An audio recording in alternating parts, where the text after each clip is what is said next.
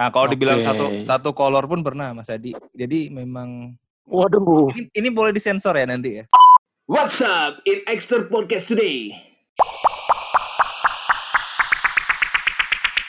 Jangan lupa follow Axterium ID di Instagram teman-teman ya. Oke, Assalamualaikum warahmatullahi wabarakatuh tentunya. Waduh. Waalaikumsalam warahmatullahi wabarakatuh.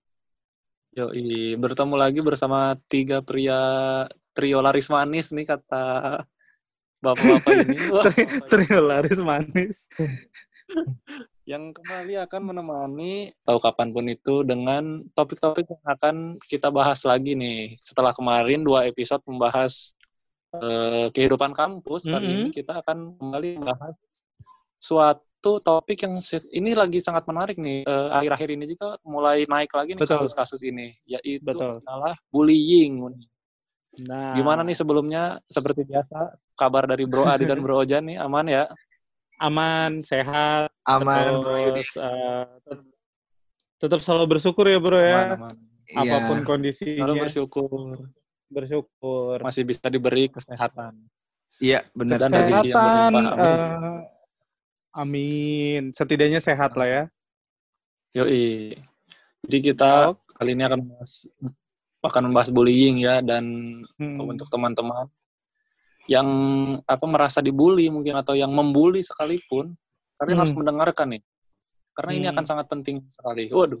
Jadi eh, buat Bro Adi dan Bro Ojan nih eh pernah nggak sih jadi pelaku bullying at- pelak, sebagai pelaku ataupun korban ya? Pernah nggak nih Hmm. dari Bro Adi dulu mungkin? Kalau halo semuanya.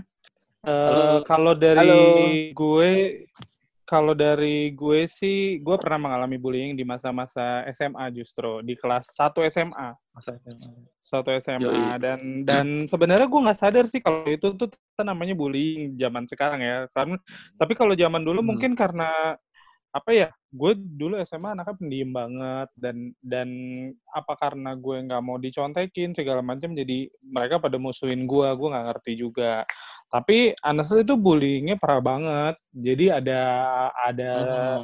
dua orang lah kurang lebih yang tiap hari tuh kayak ngebully eh, nyebut biasanya kalau zaman dulu kan ngatain eh, nyebut-nyebut nama orang tua. Sebenarnya kan nama orang tua itu ya udah benar namanya itu. Cuma kan nggak enak ya kalau kita tuh dipanggil-panggil nama orang tua kayak gitu-gitu kan. Yoi. Sabutro ya namanya. ya? iya cuy. bener. Nama orang tua Mas Buladi Sabutro ya? Iya. Oh. Iya, ada nama itunya. Jadi kayak kayak dia manggilnya kayak begitu terus selama itu sama SMA sih selama SMA kelas 1 sih gua ngalamin itu dan dan tiap hari Senin itu gua males sekolah. Sampai ba- bagaimana caranya biar gua nggak usah sekolah kayak gitu dan dan tapi gua nggak pernah cabut Oh. Oke oke. dan gua nggak pernah cabut dan pertama kali itu merasakan SMA, Bro Adi. Pertama kali eh, eh, merasakan SMA tapi gue nggak ngerti kalau itu tuh bullying ya jadi gue ngerasa kok orang-orang itu nggak suka Nah. sama gue gue salah apa gue eh, Waduh. pendiam kah atau gimana dan tau nggak kenapa hari Senin itu gue males eh, takut masuk sekolah gara-gara Kenapa tuh? tiap hari Senin tuh gue dapet jadwal piket kelas terus teman-teman gue itu dikomporin sama dua orang itu untuk nggak usah bantuin gue kalau piket. Jadi gue sendiri begitu ditanyain guru kok kelasnya kotor? Yang yang piket siapa? Adi Oh, langsung kayak gitu. Oh, Itu bener-bener ya gua- ada stres banget. kerjasama juga ya di Iya. sana ya. Kerja sama juga. Padahal gue bisa dibilang sekolah di swasta yang menengah ya bisa di bisa dikategorikan seperti itu. Dan sekolahannya lumayan cukup ketat. Tapi gue nggak pernah ngadu ke guru BP segala macam. Gue Hmm. sampai pernah satu posisi di mana gue sakit.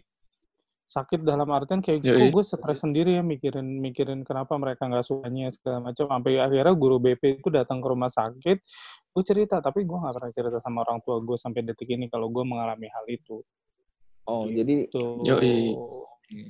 Gitu lah pengalaman. Kalau Bro Ojan gimana nih pertama kali eh mendapatkan pi- pi- apa mendapatkan perilaku bullying atau menjadi pelakunya mungkin Bro Ojan gimana nih?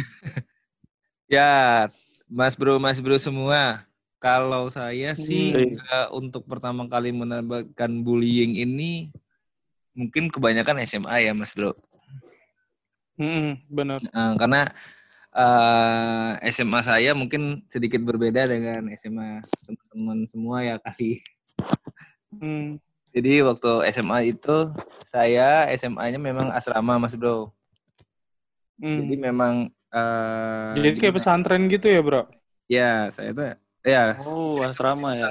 ya asrama. Jadi kita tuh semi militer lah ibaratnya dulu. Jadi dari Hmm. jadi dari eh, jadi dari SMA eh, kita itu kan memang eh, waktu itu SMA-nya seperti SMA Taruna Nusantara tahu nggak sih yang di Magelang? Eh, Di Oh, mana? tahu tahu tahu tahu. Nah, seperti- Tahu, tahu. kita tuh mengadopsi Iya di Magelang ada. ada nah waktu itu di provinsi Jambi itu mengadopsi dari sistem itu akhirnya dibuka lah di Jambi punya yayasan waktu itu punya yayasan gubernur lah ceritanya gitu akhirnya Hmm. eh, saya saya masuk tuh ke SMA Oke. oke nah setelah masuk ke SMA itu ya memang kita di asrama selama ya tiga tahun kita di, mengalami masa asrama. Cuman waktu di kelas 1 itu kebetulan saya memang kita kan waktu itu memang dari SMP kita harus lepas langsung dari orang tua kan.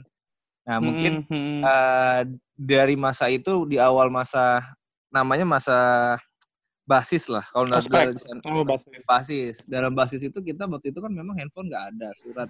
Kita memang nggak boleh ketemu orang tua kita selama tiga bulan nah dalam masa Waduh, itu udah gitu nggak ada handphone ya, Bro? ya memang nggak boleh nah di sana itu saya belajar banyak Oke. waktu itu eh, saya dibullying dengan ini dengan kata-kata kepala suku waktu dulu karena saya kan memang dari dari jam Oh, dari daerah waduh. banget ah, kebetulan kan kubu itu ada di Hmm. daerah saya suku anak Oke. dalam Mas Bro Adi Hmm, Mas hmm, Bro hmm, Adi. hmm. ya jadi saya Oh, dibullyingnya ka- gitu ya. disebutnya kepala suku dulu jadi lucu lah ceritanya Tapi- Kepala suku. Iya kepala suku karena bisa di search sih mungkin teman-teman bisa search Oke. juga kalau suku anak dalam itu kan memang ada di Jambi, cuman tepatnya banget tuh memang di daerah saya sebenarnya. Hmm. Oh, oke oke oke. Ya dibilang primitif lah. Berarti bullyingnya ada dari unsur-unsur kedaerahan asal ya? Ya, benar. Itu waktu kelas 1. Oh, Oke, lanjut. Siap. Jadi eh, yang dirasain ini apa sih emang eh, sampai Bro Adi dan Bro Ojan ini berpikir kalau itu tuh ternyata kalian lagi dibully gitu. Eh, Apakah sakit hati atau apa gitu? Coba dijelaskan kepada para pendengar Aksterian nih. Dari Bro. Ojan mungkin. Ya, kalau kalau berpikir tadi pertanyaannya apa ya, Mas? Eh, Mas Bro ya? Kayaknya ini first time first time lu cerita ya, Bro? Iya, Mengenai Oh, bullying. Yang Ah, jadi ini persen. yang Jadi- dirasakan kan yang, Yang dirasakan, dirasakan- sampai berpikir wah ini berarti ini, ini tuh bullying gitu. Jadi gini, gue gue sih sebenarnya jujur aja nih ya, gue mau cerita, cuman saya takut nih kalau saya cerita ini karena saya itu dulu waktu SMA, ya kebetulan kan asrama ya. Dulu SMA tuh kita sering Hmm. bahas, kita mungkin ada pertanyaan juga yang akan berkaitan sama ini. Saya dulu Hmm. waktu SMA itu eh, memang kan kita mengalami bullying tadi ya, dan memang keras Hmm. banget waktu itu di semi militer Hmm. itu teman-teman pagi kita bangun jam 4 terus kita pernah dipukul, digebukin gitu udah sam- udah udah sering banget. Jadi kalau dibilang saya Serius? serius. Bu, serius. Ya ampun. keras juga ya. Iya. Nah, jadi saya itu karena saya itu memang orangnya ikonik juga, jadi saya sering dipanggil lah sama Hmm. tingkat saya gitu. Ya, waktu itu saya pernah nih Hmm. eh, di Jadi, pernah eh, dikeroyok tiga orang deh di di tepi barak. Saya ingat banget itu waktu jam 4 pagi. Buset. Eh, jadi habis itu saya nggak bisa Tapi sekolah. nggak tapi nggak tahu salahnya, Bro. Tetapi nggak tahu salahnya. nggak tahu sebenarnya. salahnya. Memang saya dicari kesalahan lah ceritanya seperti itu. Oh, dicari pasti terus, dicari terus. kan. Eh, eh, jadi Lu lebih ganteng gua rasa dari mereka ya. bukan lebih banyak cari masalah mas bro kalau saya. Oh, Oke. Eh. Masalah terlalu banyak karena biasanya kan misalnya Eh. kalau di dalam hierarki kalau misalnya di militer tuh kalau hierarki itu kita kan harus eh, misalnya kalau kakak tingkat eh, kit, boleh lewat jalan A tapi adik tingkat nggak Hmm. boleh lewat jalan B gitu. Nah saya tuh ngikutin jalan kakak tingkat waktu itu. Gila lu ngalamin Oh. hal-hal kayak gitu ya? Iya benar. Wow. Cukup menantang juga ya. Eh, eh, nah jadi Ya, jadi dari jadi dengan kejadian seperti itu saya ya maksudnya udah biasa kalau ditampar, ditampar, dipukul sampai pernah waktu itu kejadian nih saya gila. ka- ini info aja ya. Saya pernah ditampar pakai sepatu PDL. Yoi. hmm. Mungkin teman-teman tahu Wow. sepatu TNI. Astagfirullahaladzim. Serius. Enggak bohong, itu. Ah, ah. Nah, Gila. beneran dan itu memang waktu saya di ya, memang waktu dilakukan itu memang ya memang kan itu memang didikan semi militer ya. Jadi kalau semi yang namanya semi itu enggak enggak militer. Jadi kayak abu-abu gitu juga lah. Saya pernah info. Sesuatu yang abu-abu pasti banyak ba- Hmm. banyak apa kayak kecurangan Hmm. gitu lah Mas Pradi. Betul, Nah, Banyak itu celah, banyak celah ya. Ya. Nah, ketika saya kelas 2, saya melakukan itu juga sama di tingkat saya. Dan lu meluapkan Oh, emosi ya. lu. Benar. Oke, Yoi. oke, oke, Jadi saya oke, oke, nampar, oke. ya saya nampar, mukul. Jadi sebenarnya ada ada kasihkan se- tersendiri sih sekolah di hierarki. Ada dengan sistem hierarki. Tapi nagih ya, tapi itu Hmm. maaf ya bro, itu bisa jadi kayak mental illness nggak sih kalau kayak gitu?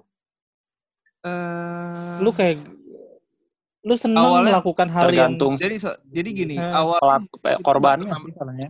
ya awalnya mungkin kita nggak pernah melakukan hal seperti itu ya. Karena mental awal Hmm, kelas 1 kita hmm. nggak pernah melakukan seperti itu. Tapi eh, berhubung Hmm. kita diperlakukan seperti itu setiap hari, ini bukan saya Hmm. bilang cuma seminggu Hmm. sekali ya. Setiap hari kita dipukul, mau nggak mau kita melihat eh, Hmm. melihat misalnya nih ada kelas satu ada adik tingkat kita yang baru masuk, kita merasa oh kita harus yang Ah, mem- bukan diba- membalas sih, tapi mau mau coba untuk mendidik, mendidik lah lebih caranya mendidik sih pada saat itu. mendidik, Ya supaya seperti mendidik ya Yoi. bahasa kerennya ya.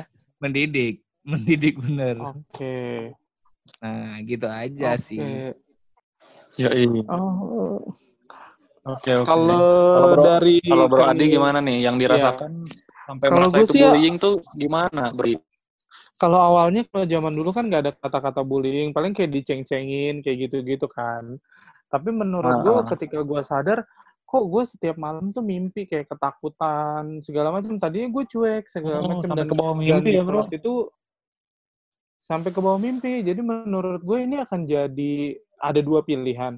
Men- gue akan menjadi sosiopat atau psikopat setelah gue baca. Jadi gue Wadaw. dulu cari-cari Uh-uh. kayak gitu ketika tapi gue nggak punya dendam ya awalnya gue nggak punya dendam sama sekali cuman gue karena gue tuh sampai SMA jadi SMA itu kan gue nggak pernah nongkrong nongkrong karena pulang itu harus ngaji kayak gitu gitu gue dulu Ya, jadi uh, di keluarga tuh ada target hafalan terus ada target Oh, iya. Oh. kayak gitu gitu jadi Oke. gue nggak pernah main main apa main dingdong segala macam sama mereka mungkin mereka anggap gue aneh kayak gitu ya udah Oh. sampai akhirnya gue pikir oh gue dibully separah ini sampai gue kayak kepikiran segala macam Oke. Tapi nih saya Siap. juga mau tanya juga nih sama Mas Bro semua. Menurut kalian semua bullying ini sorry ya, ini berpengaruh nggak? Maksudnya mental me- kita kan kemarin sempat bahas tentang Gen Y sama Gen Z juga nih. Karena eh bullying kan sebenarnya sudah terjadi lama ya. Kalau bisa dibilang dari Gen X pun Hmm. mungkin ada bullying juga sih kalau menurut saya. Tapi kenapa? betul cuma bahasanya ya bro yang beda Yes. Cuman bahasanya penyebutannya ya Ah, ah, cuman kenapa pada saat sekarang ini terlalu sering maksudnya lo diginiin dibullying gitu, diginiin sebutnya langsung bullying, Hmm. bullying gitu. Maksudnya apakah memang separah banget bullying di di zaman sekarang atau gimana gitu? Karena saya Hmm. jujur aja eh, melihat fenomena bullying ini mungkin eh, dibilang concern ya kita harus concern, tapi dibilang enggak juga sebenarnya semua generasi juga me- apa juga merasakan hal ini gitu kan. Tapi kenapa hanya betul merasakan.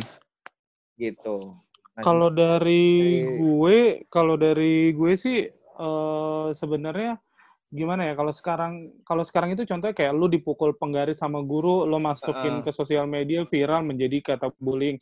Gue dulu kalau nggak ngerjain PR ditarik jambangnya, mm-mm. Dicubit kayak gitu nggak pernah maksud gue kayak itu didikan mental. Jambang Tuh, mana Mas nah, Adi? Jambang yang mana Mas? Bro? Jambang rambut kanan Rambut kiri. Gila lo masa ada jambang yang lain. Terus udah udah gitu kalau zaman sekarang tuh karena karena apa keterbukaan informasi dan komunikasi sih bro yang membuat gua kayak hal-hal yang simple jadi lebay gitu sih Iya benar. menurut Jadi gua dan, ada- dan ada- kalau ditanya dampaknya kayak itu buat didikan mental lu kuat nggak sih Mm-mm. menghadapi Heeh. hidup selanjutnya kayak lu dibully sekarang tapi lu nanti eh, akan jadi orang yang begitu lu ketemu di acara reunian bahwa gue bisa di atas lu kayak gitu sebagai pembuktian. Tapi Benar benar ada benar. juga Ada yang, yang- jadi yang motivasi ya Mas. Bro ya. Ah, ya kalau gue menganggap itu menjadi motivasi.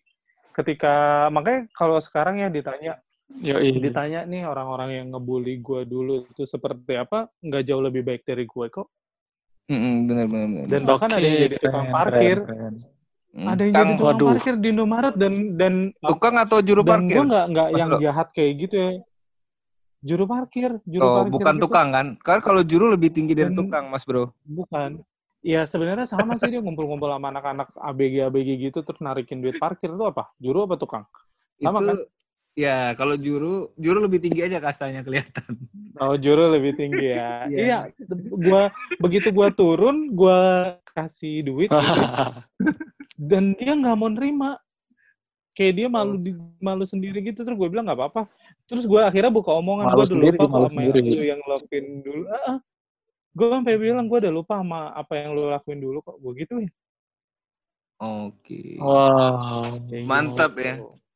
Mantep nih. Kalau- Jadikan Mas- motivasi jadi lebih maju, bro. Iya, benar. Tapi gini ya Mas Bro semua, saya juga nggak apa-apa kita sharing aja ya. Hmm. Eh, Santai. bully, bully apa bullying ini kan sebenarnya kan ada di mungkin teman-teman sesama teman atau mungkin kalau tadi Mas Bro Adi kon, apa baru info misal nih guru dipukul pakai penggaris gitu kan terus dimasukin ke media sosial terus viral terus akhirnya menyalahin hak hak ham, ham apalah gitulah ceritanya gitulah ya yang menurut saya. Nah, ini kayaknya di dunia ini kan kebetulan kita kan bahas dunia pendidikan juga nih. Nah, kalau dari teman-teman nih, menurut teman-teman kita sharing aja, kalau dunia pendidikan dibuat apa ya, kalau jadi menjadi concern seperti ini, apakah nanti guru-guru pun akan juga malas untuk mendidik secara secara ini ya, secara 100% Manual. lah. Maksudnya memang kan biasanya kan Hmm. Eh, guru kan punya sistem sendiri artinya kayak gue misalnya gue mau mendidik mendidik orang ya gue pakai cara gue sendiri gitu dan menurut kalian seperti apa gitu jadi Hmm. kelihatannya guru kayak ada batasan ya udahlah gue malas lah Hmm. ya udah gue nggak ma- mau nggak nggak terlalu peduli banget Nah, gitu Jadi benar ya udah Dikit-dikit jadi takut ya. ya dikit-dikit jadi takut gitu. Dikit-dikit. heeh.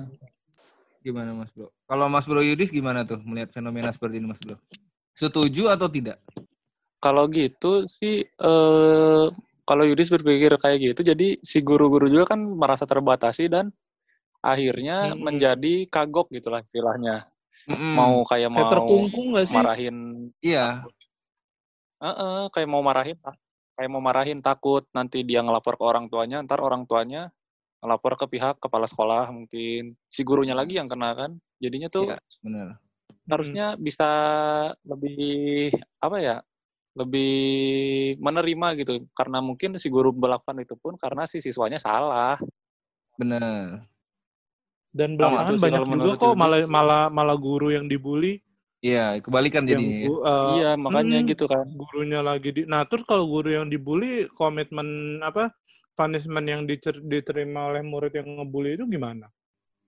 Nah itu yang ada kan jadi? Nggak ada, masalahnya ada. juga di situ kan ada. jadinya tuh Mm-mm. bingung sendiri sekolahnya kan Benar benar. Kayak serba salah ya jadinya ya. Tapi mungkin menurut gue itu dampak dari kemajuan salah, zaman dan teknologi sih bro. Mm, Yo, iya menurut benar. gua. Itu ada eh, apa? Bentuk dari perkembangan zaman, benar. Gitu. perkembangan Jadi, karena kan jadi menurut lo Eh, bagusan apa? zaman berkembang atau tidak ada yang zaman tetap terus berkembang tapi banyak norma dan pakem yang harus dijaga nah benar sih kalau menurut saya seperti itu kayak tetap lo harus Yang hormat harus sama orang tua emangnya tuh harus emang gitu. kayak gitu. Kalau Hmm. iya Gimana? Ah, benar harus tetap dijaga gitu. Jangan terlalu lebay. benar, Ya, benar. boleh Mas Bro Dikit di. Oke. dibalik lagi nih ke Mas Bro untuk mungkin kita ke balik ke tema lagi ya Oh iya benar benar benar. Hmm. Iya, tadi kita intermezzo dikit tentang Hmm. di bullying di dunia pendidikan ya. iya benar Nah, Mas Bro semua nih, setelah kan kata Mas Bro Adi dan Mas Bro Ojan Hmm. sudah mendapat pernah mendapatkan bullying gitu. Nah, setelah dibully itu eh, yang dilakukan apa? Pernah apakah langsung sharing ke orang terdekat misalnya orang tua atau sahabat itu teman pacar atau lebih Hmm. milih dipendem sendiri kan orang Hmm. beda-beda ada yang dicurhatin ada yang dipendem aja nih kalau Bro Adi Hmm. dan Bro Ojan gimana nih coba Bro Adi dulu lah Kalau gue lebih baik Tadi kayaknya dipendem saat itu. Kalau kelihatan. Gue dipendem, gue dipendem dan dan gue lebih masak ya Mas Bro ya. Kalau dipendam lama biar kan lebih masak. masak, bener dan rajin diangetin biar nggak bau. waduh Sayur tupat kali. Kalau gue sih gue pendam kenapa aja tuh karena milih gue dipendem pikir sendiri Bro karena gue pikir kan akan hilang dengan sendirinya, tapi ternyata itu nggak tahu nggak clear jadinya. Jadi gue kayak Hmm. kan satu saat gue memberanikan diri untuk ketemu psikolog dan gue diajak Oh, diajak kayak ya? gimana ya karena parah bro waktu itu gue sampai karena lu tau nggak gue Hmm. sampai waktu saat sampai kesel sama si orang ini Hmm. gue tuh udah bawa obeng jadi oh, di motor kan ada obeng Wow. tuh Mm-mm.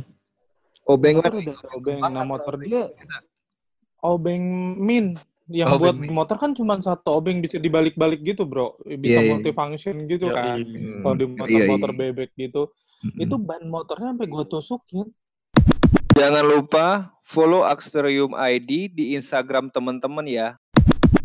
Hmm. Dan gue Oh. masukinnya biasa aja Mas Atom ditegur. Lu ngapain? Dia bilang itu nggak apa-apa, dia jahat temen gue. Gue cuma ngomong gitu doang.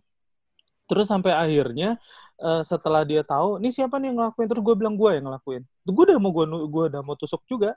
Cuma entah kenapa kayak langsung gue bilang kenapa lo nggak terima? Gue cuma nyaut gitu doang kan. Langsung Hmm. dia diem. Terus terus habis itu kayak dia makin benci sama gue gitu.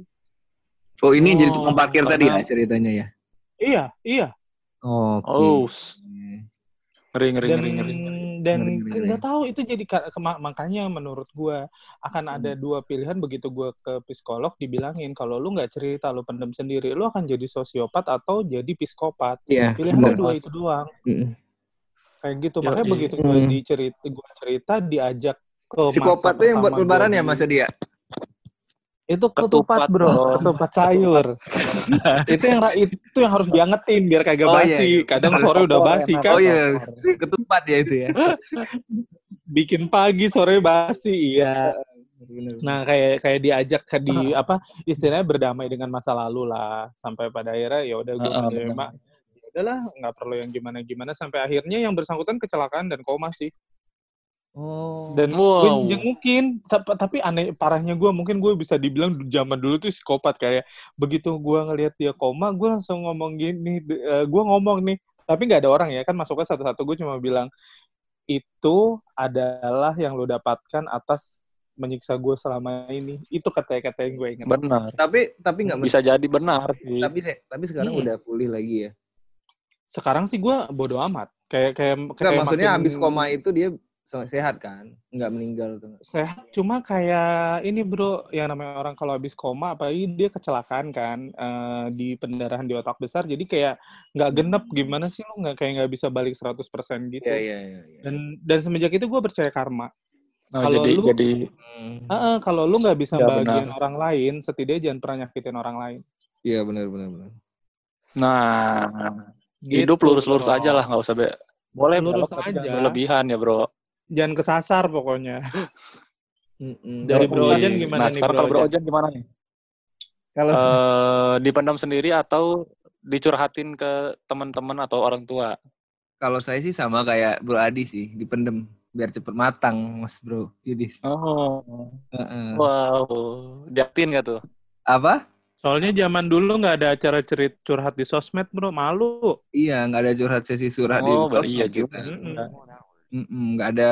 Teman-teman dekat juga atau orang rumah juga nggak Karena diceritain. kalau tem- jadi gini, kalau teman dekat teman-teman juga sama kan, maksudnya artinya juga satu apa merasakan hal yang sama juga. Jadi kalau curhatnya ya curhat-curhat gitu aja buat apa sih? Ngerti nggak sih maksudnya? Hmm. Jadi mereka Yoi. sama aja, sama aja semuanya Hmm. perlakuannya sama. Cuman ya karena waktu itu kita memang ya teknologi udah nggak secanggih sekarang lah ya. Waktu zaman dulu kan Hmm.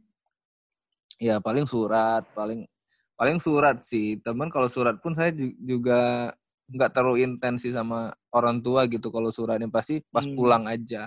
Karena pulang itu kan bisa Bro. dihitung sih. Hmm, Bro Jan, gue mau nanya deh satu. Yoi. Eh, ketika lu mengalami itu kan masa transisi ya dari SMA, SMP ke SMA. Yes. Tiba-tiba lu mengalami yang nggak pernah lu alami dulu Oke. gitu. Ibaratnya lu nggak pernah ngalamin itu di keluarga lu juga. gitu Bener. kan. Heeh. Lu eh, pernah nggak sih di masa lu pengen pulang gitu? Enggak, Karena lu muak di situ. Nggak, jadi gini Mas Bro Adi. Jadi da, mungkin dengan eh, tadi yang Mas Bro bilang eh, ini kan masa berbeda banget transisinya dari misalnya lu nggak pernah ditabok atau ditampar sama orang tua lu, tiba-tiba lu Hmm. masuk sebuah sekolah yang lu tiba-tiba ditampar gitu. Nah, mur- mungkin Hmm. dari teman-teman juga berpikir, wow gue aja di rumah nggak pernah ditabok sama orang tua gue gitu. Di sini gue ditampar-tampar Hmm. gitu. Sampai habisnya maksud gue, di situ akhirnya gue berpikir kalau kalau gue mau keluar, Mas Bro Adi, ini jujur ya, gue ngomong di sesi, maksudnya di podcast ini, kalaupun saya mau Hmm. keluar pada waktu itu, itu sekolah sekolah Hmm. unggulan, Mas Bro Adi. Jadi memang, jadi Hmm. memang Oke. sekolah itu uh, ibaratnya fenomenal lah di di provinsi Jambi gitu. Saya berpikir Hmm. dua kali untuk keluar, dan makanya waktu zaman kelas 1 itu saya lebih Oh. banyak, jadi saya lebih banyak beribadah. Jadi saya sering ke musola. Oh, bagus. Bagus, Gitu. bagus. Jadi dampaknya bagus. itu Mas Adi. Jadi saya tahu maknanya. Jadi lebih religius ya. Iya, jadi maknanya ketika lu lu makna lu ketemu Tuhan itu seperti apa nah waktu zaman waktu zaman itulah waktu zaman SMA itu karena intens banget waktu itu saya sekolah eh, waktu itu, apa beribadah sering ke masjid ngaji ya seperti itu Hmm. untuk cara cara cara Tapi apa ya? jadi jadi lebih tenang sih ya bro dan karena kan Iya, doa benar. orang teraniaya dijabah Benar. ya. Benar Hmm. dijabah. dijabah Sama lebih manjur tapi- kalau kata orang. bener, tapi gue salah doanya tuh gue yang jelek mulu untuk dia. Nah, Dia mau lu nggak dijabah. ya, jangan Kebalikannya. kebalikannya. Heeh. Pokoknya, ya pokoknya waktu zaman itu ya Yoi, yoi, lebih yoi. mencekam lah, Mas Bro. Jadi kita tidur aja nggak nggak tenang ya. Waktu Lebih zaman, mencekam ya. iya kayak zaman zaman ini, zaman ya kayak zaman Jepang ya. Coba tadi kayak zaman Jepang. Iya lebih parah sih itu. Dan Ah. kha- khawatir sih kita lagi tidur tahu-tahu dituin. Iya tiba-tiba kita pernah tidur Waduh. terus kita diculik pernah. Saya pernah melak- pernah juga merasakan itu. Serius. Serius, Pernah. pernah. Itu lu Yang nyulik siapa, apa bro? G30 Yang nyulik kakak tingkat. Emang bener beneran di nggak bohong saya. Terus minta Iya, tebusan sama gila, keluarga lu gitu. Enggak, nyuliknya artinya kita Oh. dipukulin, lu ditarik ke atas tuh karena kan tingkat satu di bawah baraknya semua, tingkat dua tuh ada di lantai Hmm. dua. Jadi kalau dia mau turun ke Hmm. bawah, is oke aja dia tarik-tarik aja. Oh, iya iya. Oh, Dalam yang tadi keadaan belum sadar kan kalau kita tidur ya. Iya, bener. Yo, iya. Itulah. Parah juga ya itu sampai diculik-culik gitu. Apakah ini zaman Orde Baru? kayaknya hampir mirip Orde Baru kan? Iya. Gue pikir lu lagi main Gue pikir lu lagi main film Battle Royale, bro, yang diculik-culik dibawa ke pulau gitu. Wadaw, ngeri ngeri ngeri ngeri. Ngeri Mas Bro, atau zaman itu. Ngeri ngeri. Tapi Yudis mau apa namanya memberi apa sudut pandang lainnya kalau kalau Yudis kan tadi dari Bro Adi dan Bro Jan dipendam sendiri kan. Ya, Mm. biar mateng ya. Yudis lebih suka Heeh, kalau Yudis lebih suka diceritain, Ceritain, tapi ke teman dekat. Oke. Karena apa ya? Setidaknya mungkin teman bisa le- kan kalau Yudis dipendam sendiri mungkin jalan keluarnya cuma Yudis yang berpikir Hmm. gitu. Mm-mm. Berpikir aja Jadi- mungkin eh, apa namanya? Tidak terlalu eh, netral gitu, tidak terlalu baik karena kesel kan. Kalau Ya, benar kan kelihatan sih. bisa memberi solusi yang lebih eh, baik gitu. Benar. Walaupun kebanyakan sama aja, tidak Sama. memberi solusi. Mm. Malah nambahin masalah. Cuman cuman yang penting mereka mendengarkan aja ya Mas Bro Yudis ya. Heeh, Hmm. Karena kan kat- kalau kata psikolog-psikolog sekarang gitu, orang lagi punya masalah tuh cuma butuh didengar aja. Kalau Iya benar, benar. Saya ini- setuju tuh. Benar. Tapi lebih bagus Tapi Mas Yudis ngaca aja Mas Bro Yudis. Mas Bro Yudis coba ngaca. karena karena itu kayak lu curhat Mas Bro. Waduh. Daripada lo Hmm. ketemu orang diam aja nggak ngasih masalah solusi. Lebih bagus curhat di kaca aja. Karena lebih Soalnya enak kadang sih. ka- kadang kalau kita kelar curhat di kaca, kacanya retak, bro.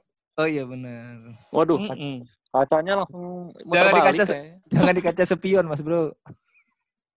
Kadang gue di kaca di kaca gitu-gitu, ketutup lagi kacanya. Di kaca mobil. Iya. Di kaca pertigaan, tahu nggak apa yang cep?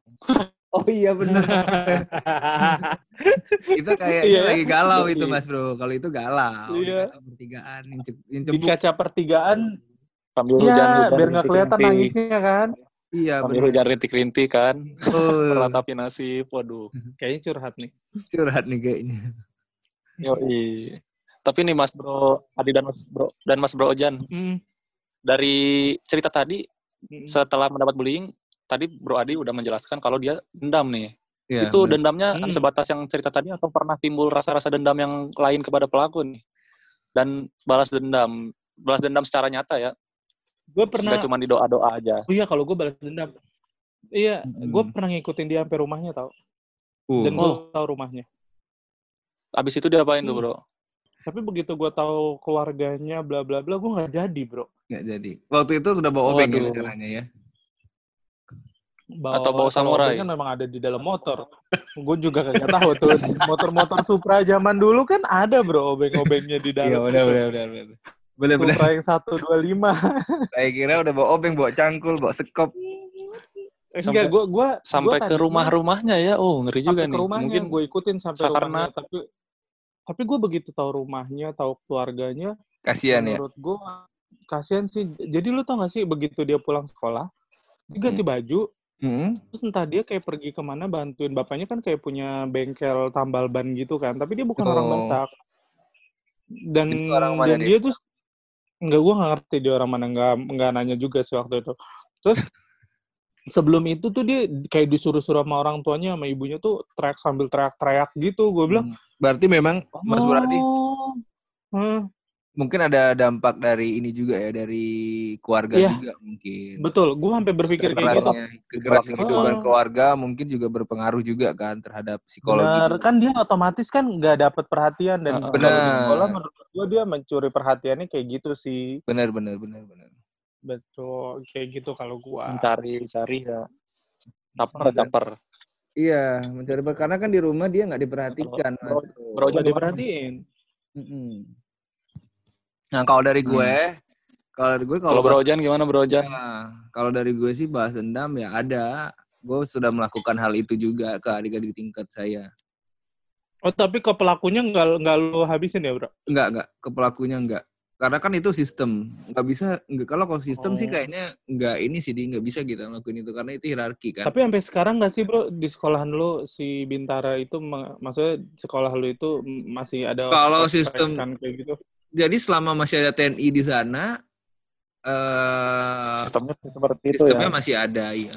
Pokoknya kalau sistem semi kayak IPDN gitu di itu lebih parah sih sebenarnya, Mas Brady. Kita ngomongin institusi nih ya. Benar-benar. Uh-uh, Jadi Hmm. kalau yang seni itu harusnya lebih parah dari militer, Pak. Lebih, lebih parah dari militer sih. Karena mereka tuh hanya menganutnya yang abu-abu tadi sistemnya. Jadi ya lu Yoi. dipukulin malam-malam terus diperiksa. Ya, Diculik, serem banget tuh. diculik, bener. Ya, Lu pernah begitu. suruh nyikat kamar mandi pakai sikat gigi nggak bro? Wadaw.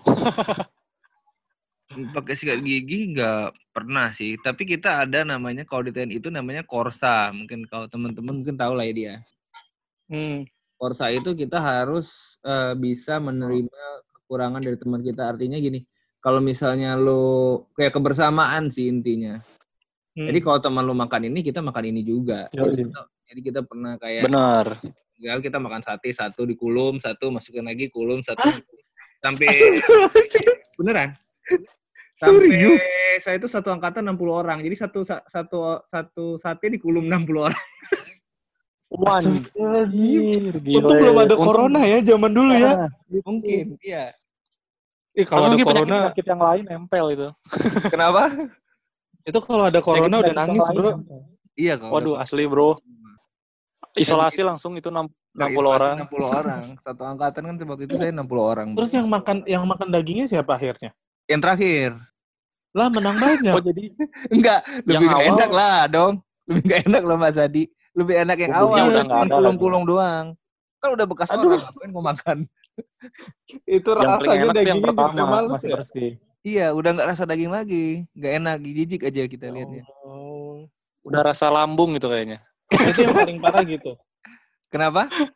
Yang paling parah itu Iya, makan Pak. bareng-bareng. Ya kalau kebersamaan, tapi kalau yang eh, maksudnya itu kan secara sa- eh, apa ya? Secara sa- bersama-sama ya. Kalau yang lebih parah Hmm. lagi, yang lebih parah tadi yang tadi yang saya pernah di eh, Diculik personal tuh. ya, ya lebih, lebih ya Hmm. kayak gitulah diculik terus Diculik, dipukul tanpa diculik. kita tahu salahnya apa. Wah. Dan saya ingat banget paginya saya nggak bisa bangun karena kalau nggak salah biru deh wajah saya sebelah kiri. Kalau anjing.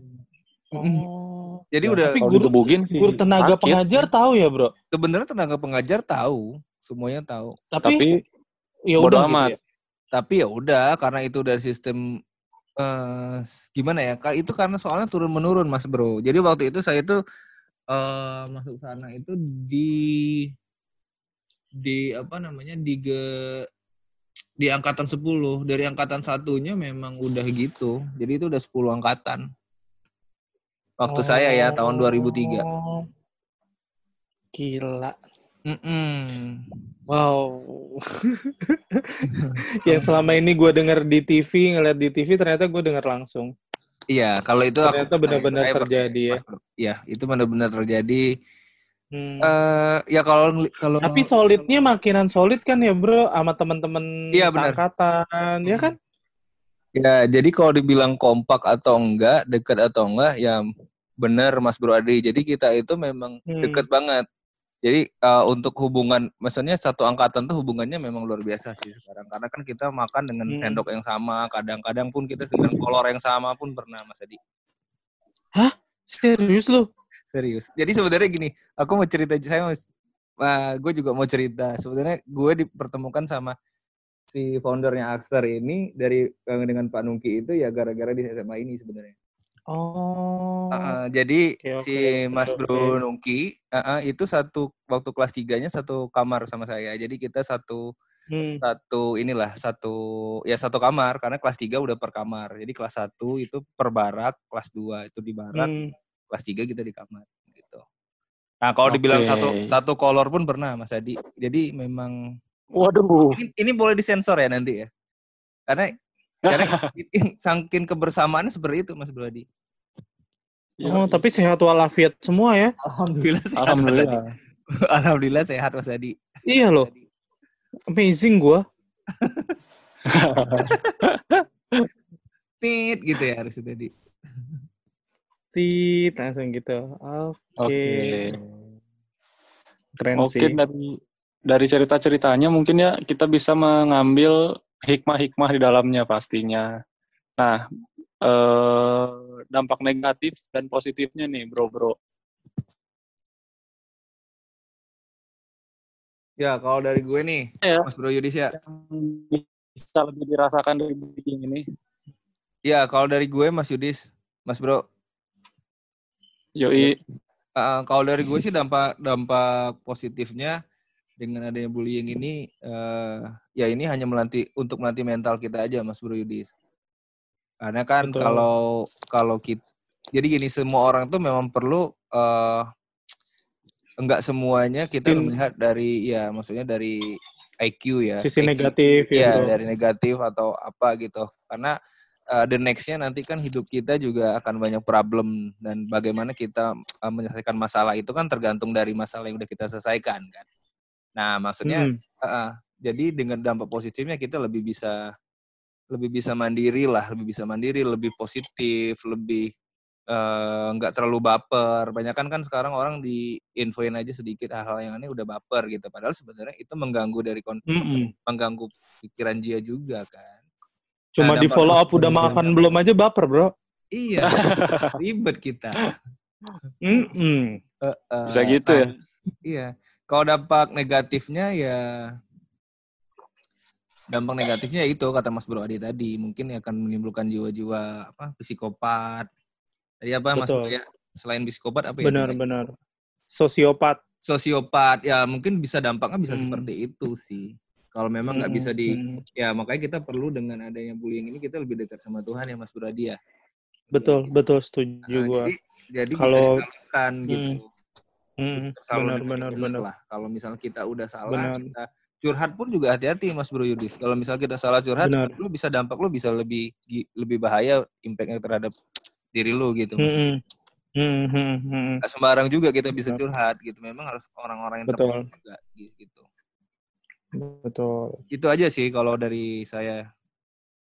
Kalau dari saya eh ngelanjutin eh, Bro Fauz, Bro Ojan, benar. Kalau curhat itu eh, pilih-pilih juga karena kalau nggak akan jadi bumerang buat kita karena mm, sebagian orang itu peduli sama kita cuman pengen tahu aja bukan karena peduli.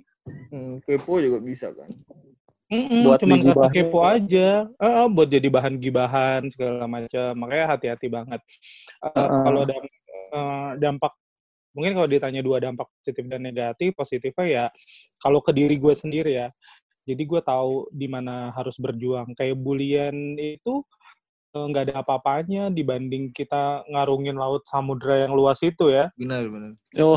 Men- Menjalani hidup kan kayak kita ngarungin samudra, ombak itu nggak ada apa-apanya. Benar, benar, benar. Hmm. Jadi di mana di mana itu kayak buat nguatin mental gua dan dampaknya ke gua sekarang tuh gue jadi jadi kalau ada orang dulu ya waktu eh, kerja di kantor sebelumnya gue punya tim. Adalah orang yang suka dibully sama sesama temennya padahal bekerja di kantor. Tapi gue selalu bilang jangan kayak gitu karena gue pernah ngalamin kayak gitu dan gak enak. Kayak gitu sih gue lebih Iya, lebih benar. cerita Oh, iya. pengalaman gue jadi udah di cut sampai di situ aja lu saling ngebully kita kerja sama-sama sukses bareng-bareng kayak gitu. Terus kalau dampak negatifnya benar lu jadi satu pendendam kalau lu nggak bisa memutuskan eh, berdamai dengan masa lalu lu dan Berdamai dengan kedua masa lu lalu. jadi dan lu cepet jadi orang yang nggak deh gue nggak mampu gue nggak bisa gue takut kayak gitu-gitu tuh Hmm. kalau lu nggak bisa Iya. berdamai ma- sama masa lalu lu eh, akibat bullying ini itu akan fail Yoi. gitu kalau dari gua Jadi dari dampak negatif dan positif itu kalau dari Yudis mungkin ya dampak eh, negatifnya akan kalau kita tidak berdamai seperti kata Bro Adi tadi akan jadi mata rantai masalah buat kita sendiri ya Bro. betul betul jadi kayak masalah malah muter aja di situ Heeh, kita nggak bisa kayak mau apa-apa mungkin jadi keinget masalah itu jadi bete, Mm-mm. jadi males. Mm-mm. Jadi kita harus tetap berdamai dengan diri sendiri apa pun caranya gitu atau apa harus ke psikologi atau ke temen Mm-mm. atau apa gitu ke liburan Pak bermain Haji kayak gitu ya mencari cewek. Waduh. Cari cewek buat buat buat jadi temen ya. Kalau ini Yuk. eh apa ya? Mungkin kalau dibilang eh mungkin tadi Mas Bro Adi juga sempat eh, apa ya singgung juga waktu di tempat kerja tuh Hmm. dampaknya juga ke ini Mas Bro. Jadi nggak hanya mungkin waktu zaman ku- kuliah dia nggak pernah eh, dia apa namanya mentalnya ya mungkin lebih ke arah mental sih Benar. kalau saya bilang. benar benar Jadi Dan waktu jadi itu pribadi yang jadi takut jadi pribadi yang takut atau mudah tersinggung dan banyak hal lah yang bisa mempengaruhi gitu. Mm-mm. Gitu benar sih. benar benar Eh, kalau Bro Oke. Yudis gimana Mas Tapi Bro? Kalau tadi kan Bro Yudis eh apa ya dampak negatif dan positifnya udah udah di di apa diinformasikan juga ya ke kita ya Mas Bro Yudis ya. Hmm, hmm, hmm, hmm. Dari tadi kita sudah membahas dampak negatif dan positifnya nih dan Hmm, hmm. untuk recovery ini kita kan aduh merasa jatuh mungkin ya, merasa terpukul dengan apa yang Hmm. dilakukan orang-orang terhadap kita di Hmm. Tindakan bullyingnya mereka itu. Nah, buat Bro Adi Hmm. dan Bro nih butuh berapa lama untuk menerima sikap atas tindakan bullying yang diterima nih Bro Adi dan Bro Ojan? Kalau dari gue berapa lama ya? Kayak gue sebulanan gitu sih observasi di manusia tujuan hidupnya apa sih selain ngusilin hidup gue kayak gitu sih dan dia juga nggak berprestasi juga makanya eh ya mungkin sebulan sih menurut gue kalau gue yang gue alamin ya sebulan gue udah tahu terus begitu gue tahu latar belakang kenapa dia seperti itu jadi gue berpikir ya udahlah dia ngebully gue amal lah buat dia bikin dia senang di sekolah sampai rumah juga dia dimarahin orang tuanya Oh, kalau jadi dari gue itu am- ambil positifnya kita memberikan hiburan buat si pelaku bullying itu ya, Bro. Ya, gitu. Yo, yo, yo. Kalau Bro Ojan gimana Bro Ojan? Kalau saya sih waktu yang dibutuhkan untuk ini untuk apa namanya? Kayaknya lama Em. kalau Bro Ojan orang sekolahnya lama di situ. Oh iya bener juga ya. Iya. Kalau saya paling setahun lah. Asrama Mas Bro. coy. kan? Setahun ya. Setahun lah Mas Bro Yudis, ya setahun. Tapi itu eh, Bro dan Bro Ojan dalam apa namanya tuh menerima sikapnya tuh eh, cukup dengan menerima atau karena ada hal-hal tertentu yang membuat akhirnya ya udahlah gue terima aja lah gitu. Kalau Bro Adi kan tadi mungkin karena ya anggap aja lah Melihat hiburan. Hmm. Kalau saya sih lebih banyak ini aja menerima aja sih, Mas Bro Yudis. Menerima apa adanya aja Jadi- karena kalau kita nggak menerima itu jadi penyakit hati juga sih. Jadi akan Benar. Dampaknya dosa juga ya. iya dampaknya juga ke ya ke ke kegiatan kita karena aktivitas kita juga padat Hmm. kan artinya. Ya kalau kita mikirin itu mulu setiap hari mah bisa stres juga sih saya waktu itu. Ya Banget, menerima aja. Kuncinya ikhlas kita- aja, Bro. Heeh, benar. Bersyukur. Soalnya Pada karma datang datangnya ya. pakai ekspedisi, Bro, sekarang. Oh iya benar. itu. Mm-mm, Benar, lebih benar. cepat dibayar Benar, benar. tunai. dibayar tunai. Karena itu tunai. langsung dari pintu ini ya, langsung dari pintu pertama ya dari langit ya. Langsung, langsung. Tangan pertama itu tangan pertama. Tangan pertama. itu kalau COD-an cepet, Bro. COD cepet ya. Yoi, Oh. Mm-mm. hari ini hari ini nego langsung COD. Langsung, sore langsung dibayar tunai. Tapi ini kalau jadi cerita aja kalau Yudis tuh eh, menerima bullying dan menerima sikap apa namanya tuh eh, mengikhlaskannya tuh langsung aja sih. Iya Karena langsung sih. eh, Yudis biasanya kalau dibully langsung dibalas di detik itu juga. Tapi eh, Langsung Mas ya. Mas Bro sekalian eh, kita ini kan eh, lelaki ya. Mungkin kalau bullying ini lebih Hmm. impactnya banyak kan kepada cewek sih. Kayak apa? Cowok apa? Cewek ya. Karena kita cowok tapi nih, belum tentu, wanita Bro. sih harusnya lebih banyak. Tapi belum Maksudnya tentu, gini di, ada- ada- maksudnya gini Mas Bro. Ah. Maksudnya bukan eh, damp yang lamanya gitu. Maksudnya dampak lama itu lebih Hmm, banyak ke wanita yang hmm, lebih banyak menyimpan atau dendam atau apa gitu. Tapi iya. kalau setahu saya kalau Oh laki-laki itu ya, lebih cepat untuk melupakan ya. hal-hal ya seperti ini Benar. sih. benar. Mm-mm. Hmm. Kalau wanita Nah, itu kan langsung dendamnya bisa sampai dua tahun, lima tahun, sampai nggak pernah ketemu aja Hmm. ada temen yang kayak gitu. Lebih parah. Heeh, sampai ada yang ketemu pas ketemu Hmm. biasa aja pas udah nggak apa udah balik ini lagi dendam lagi kesel Iya. lagi. Bangkit lagi gitu ya. Mm-mm. Eh, eh, kenangan-kenangan buruk yang di lain waktu dulu waduh jadi terpanggil lagi kan. Waduh. Nah buat Bro Adi dan Bro Oja nih sebagai closing statement kita di anjir keren closing statement bro. Buat closing statement kita di episode hari ini eh, pesan untuk para bullying pelaku dan para eh pesan untuk para pelaku bullying dan juga korbannya nih apa sih yang akan Bro Adi dan Bro Ojan pesannya berikan apa ya? kepada pelaku dan korban? Boleh Bro Ojan dulu deh. Pesannya Bro Ojan apa? Kalau sebagai- Kalau pesannya pesannya nih ya, pesan untuk pelaku, untuk pelaku bullying, ya gini maksud pesannya kalau kalian melakukan bullying kepada orang, maksudnya jangan terlalu lama gitu. Ya udah pakai tempo sih kalau saya pesannya. Jadi eh, Asik. Ada terminnya ya, Bro? ada ada terminnya. Kenapa? Karena eh, kita harus ingat karma tadi, Mas Buradi kan pernah juga Benar. eh, tadi udah sampaikan juga karma itu selalu ada. Jadi kita harus ingat Benar. juga apa yang kita lakukan ke orang. Nah balasannya ya itu apa yang perbuatan itu kan sebenarnya Dibayar kontan. dibayar kontan kan. Apa yang telah kita Mm-mm. apa yang kita lakukan ya itu juga yang akan kita dapatkan gitu Mas Buradi. Mm, mm, Nah kalau mm, untuk yang dibully, menurut mm, saya eh, untuk yang dibully atau korban ya lebih mm. baik ya kita nggak eh, ya anggap aja bullying ini sebagai eh, hal positif lah. Jadi ibaratnya untuk Hmm. memotivasi kalian, misalnya kalian direndahkan, dilecehkan atau apa ya, ya tunjukkan kepada Hmm. sang pembuli bahwa kalian tuh lebih dari yang dibully gitu. Jadi Hmm. kalian Gitu. harus ya jadi motivasi aja karena uh, bulian itu nggak Hmm. hanya satu, maksudnya nggak hanya di hari ini aja nih kayak kalian dibully atau apa, karena sebenarnya hidup itu jauh lebih lebih apa ya? Lebih Benar. lebih kejam dari bully sebenarnya. Tapi kalau kalian udah Iya. ini aja udah karena aduh saya kok Ngedown. jadi, jadi frustasi atau drop gitu ya ya udah hari ini cuma segini aja. Nah, menurut saya Iya. Makanya tadi gue bilang kan, ibaratnya ombak di lautan pun eh, nggak ada apa-apanya ketimbang badai hidup gitu Benar, kan. Benar. Mm-mm. Kalau gua sih eh, pesannya untuk para pembuli eh, baik baik kalangan dia mau SMP, SMA ataupun di kuliah sebaiknya pikir-pikir dulu sih banyak media atau banyak cara eh, untuk penyaluran misalnya kayak di dalam keluarga kalian eh, nggak dianggap atau dikucilkan. Iya, Kalian banyak media selain selain memediakan manusia itu sendiri untuk jadi bahan kepuasan kalian. Mm-mm. Kalau gue itu berpikir lagi deh apa pun karena karena kita nggak tahu orang yang kita bully akan nyelamatin kita nantinya. Kita nggak Benar. pernah tahu. Benar, benar, benar, Betul. benar.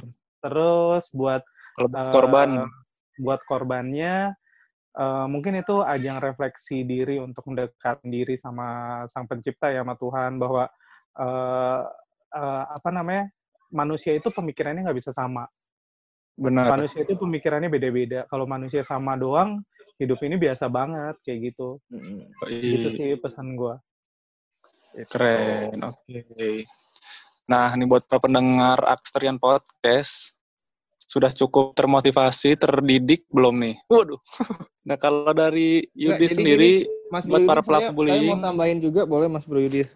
yes boleh silakan Eh, jadi gini, bullying ini Silakan, kan silakan. sebenarnya sebenarnya kan kalau bullying kan mungkin kita masih bahasnya lebih banyaknya ke arah ya fisik atau apa gitu. Tapi kan sekarang bullying banyak dilakukan di media sosial juga Mas Bro Adi dengan Mas Bro Yudis. ya. iya Benar. benar Ah. cyberbullying Kayak gitu ya. ini yang sebenarnya dampaknya yang sekarang lu bisa po- posting apa gitu tiba-tiba lu dibullying lu udah nggak siap gitu dengan hasil postingan lu Mm-mm. ketika lu dibullying di apa cyberbullying tadi. Nah menurut saya Mm-mm. ya mungkin kalau teman-teman yang nggak mau dibully ya jangan banyak posting atau membuka diri sih kalau menurut saya. Karena betul. karena sebenarnya si netizen sekarang ini kan memang lebih gila-gila ya. Artinya kayak dia benar. nggak capek. Iya dia ngomen pun dia nggak mikir sampai satu kali pun nggak mikir dia. Jadi mungkin 0,5 dia Mm-mm. mikirnya. Ya itu aja sih. Jadi harus ini ya eh ya dewasa lah dalam dewasa bersosial media dalam ya bersosial media gitu aja jangan sampai gara-gara Tapi- bullying ini di media pun kita sampai drop atau apa gitu. Nah ini yang membuat eh, takutnya nanti the next eh, the nextnya para para generasi muda kita lebih cepat baper, Mas Bro Adi. Itu yang Benar, saya benar. itu yang saya eh, itu yang saya jadi concern nih juga. bro Iya benar. Jadi mentalnya udah nggak kuat gitu untuk untuk gini aja udah aduh udah drop ba- baper atau apa. Jadi ya saya melihatnya kebanyakan seperti itu sih untuk generasi seperti itu. Benar. Mungkin nggak tahu kalau dari makanya teman-teman- lebih lebih kalau menurut gue sih kalau dari segi sosial media ya bro makanya jaga lisan dan ketikan kita benar. benar. jadi Mau- jaga mau lisan mau- kita Heeh, dan kita ngetik juga hati-hati juga gitu sih Ya. Benar. Nah, tuh kalau dari Bro Yudis, gimana? sebagai sebagai closing statement di episode kali ini buat para pelaku bullying baik itu secara langsung atau di media sosial cukuplah. Tidak usah melakukan bullying bullying karena pada dasarnya bullying itu cuma membuang-buang waktu lu. Sumpah bro. Dan memutus tali silaturahmi gak sih ya? Doi bro. Ya, lu bisa lu di media sosial ngomen-ngomen jelek ngomen-ngomen jelek. Mending lu bikin konten-konten bagus bro yang bisa Iya, menghasilkan benar. sesuatu. Mantap. Seperti kita bertiga ini ya, Mas Bro ya. Iya Uh, podcast daripada kayak bingung mau ngapain mendingan kepoin instagramnya Extrium. ID Planetarium ID. Bikin konten-konten review vapor atau apa gitu kan mau cari info apa aja ada Iya. di instagram Asalkan Oh, jangan iya. review pacar orang, Mas Bro Yudis. Waduh, itu bisa jadi konten tuh bagus kayaknya. Bagus ya. Nanti kita coba ya, Mas Bro. Ah, setelah putus jangan ke mana-mana gitu ya Iya. Nah, Kita akan review dulu. yoi. Dan buat yang bully secara langsung ke fisik, hey, Anda itu tidak sempurna diciptakan oleh Allah, oleh Tuhan. Iya. Jangan sempurna, bro. Kita semua ini penuh kekurangan. Benar. Dan Benar. belum tentu yang lo bully eh, di lebih bagus kehidupan dari lu gitu ya selanjutnya bisa lebih sukses daripada lu. Mantap, Ntar lu benar. bilang Ajib. sendiri meminta bantu kepada yang lo bully. Wow. Wow. mantap. Mantap. Dan buat Closing statement Mas buat korban buat korban jangan berkecil hati. Kalau mau menangis silahkan menangis. Nggak apa-apa. Kan mumpung lu silahkan lagi musim hujan ya bro. Jadi nggak ketawa nangisnya ya. Ya. meluapkan emosi kan orang beda-beda. Kalau ada yang menangis mungkin ada yang dengan main. Yang penting hati lu balik lagi menjadi happy bro. Dan bisa Nah. menjadi motivasi lu ke depannya bisa menjadi lebih sukses dari pembuli lu. Ingat itu, Amin. para pembuli. Hey. Amin. Oke, gitu. oke. Ada tambahan lagi nggak nih Bro Adam Bro Jan sebelum kita tutup nih? Kalau gue pas itu aja. Yang penting selalu ingat sama ya. Tuhan sih.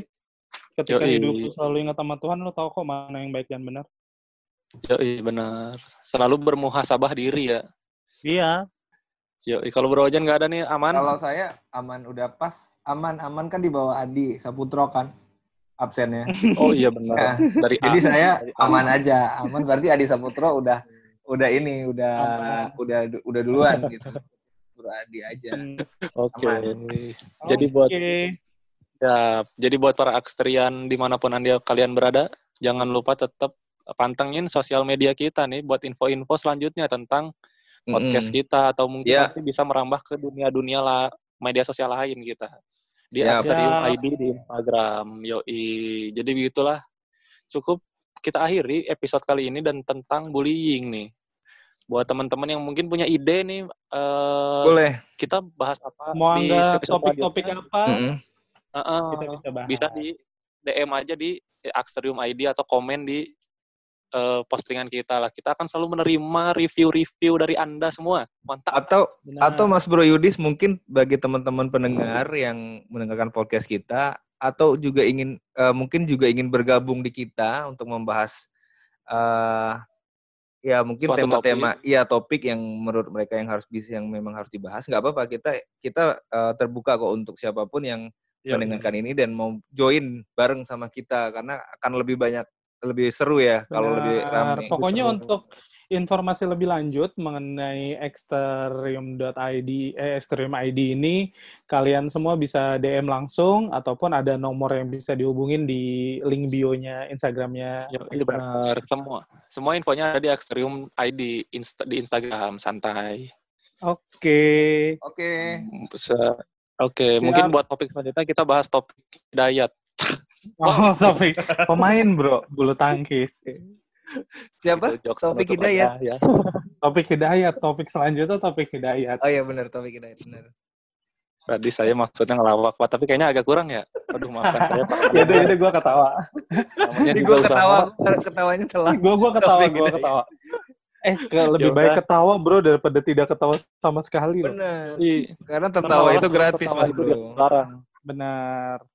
Oke, Jadi sebelum saya semakin garing, kita akhiri saja. Saya Yudis Oke. dan juga Bro Adi dan Bro Ojan. Pamit. Ya. Wassalamualaikum Thank you. warahmatullahi Selamat wabarakatuh. Waalaikumsalam warahmatullahi wabarakatuh. Sukses selalu. Jangan lupa follow Axterium ID di Instagram teman-teman ya.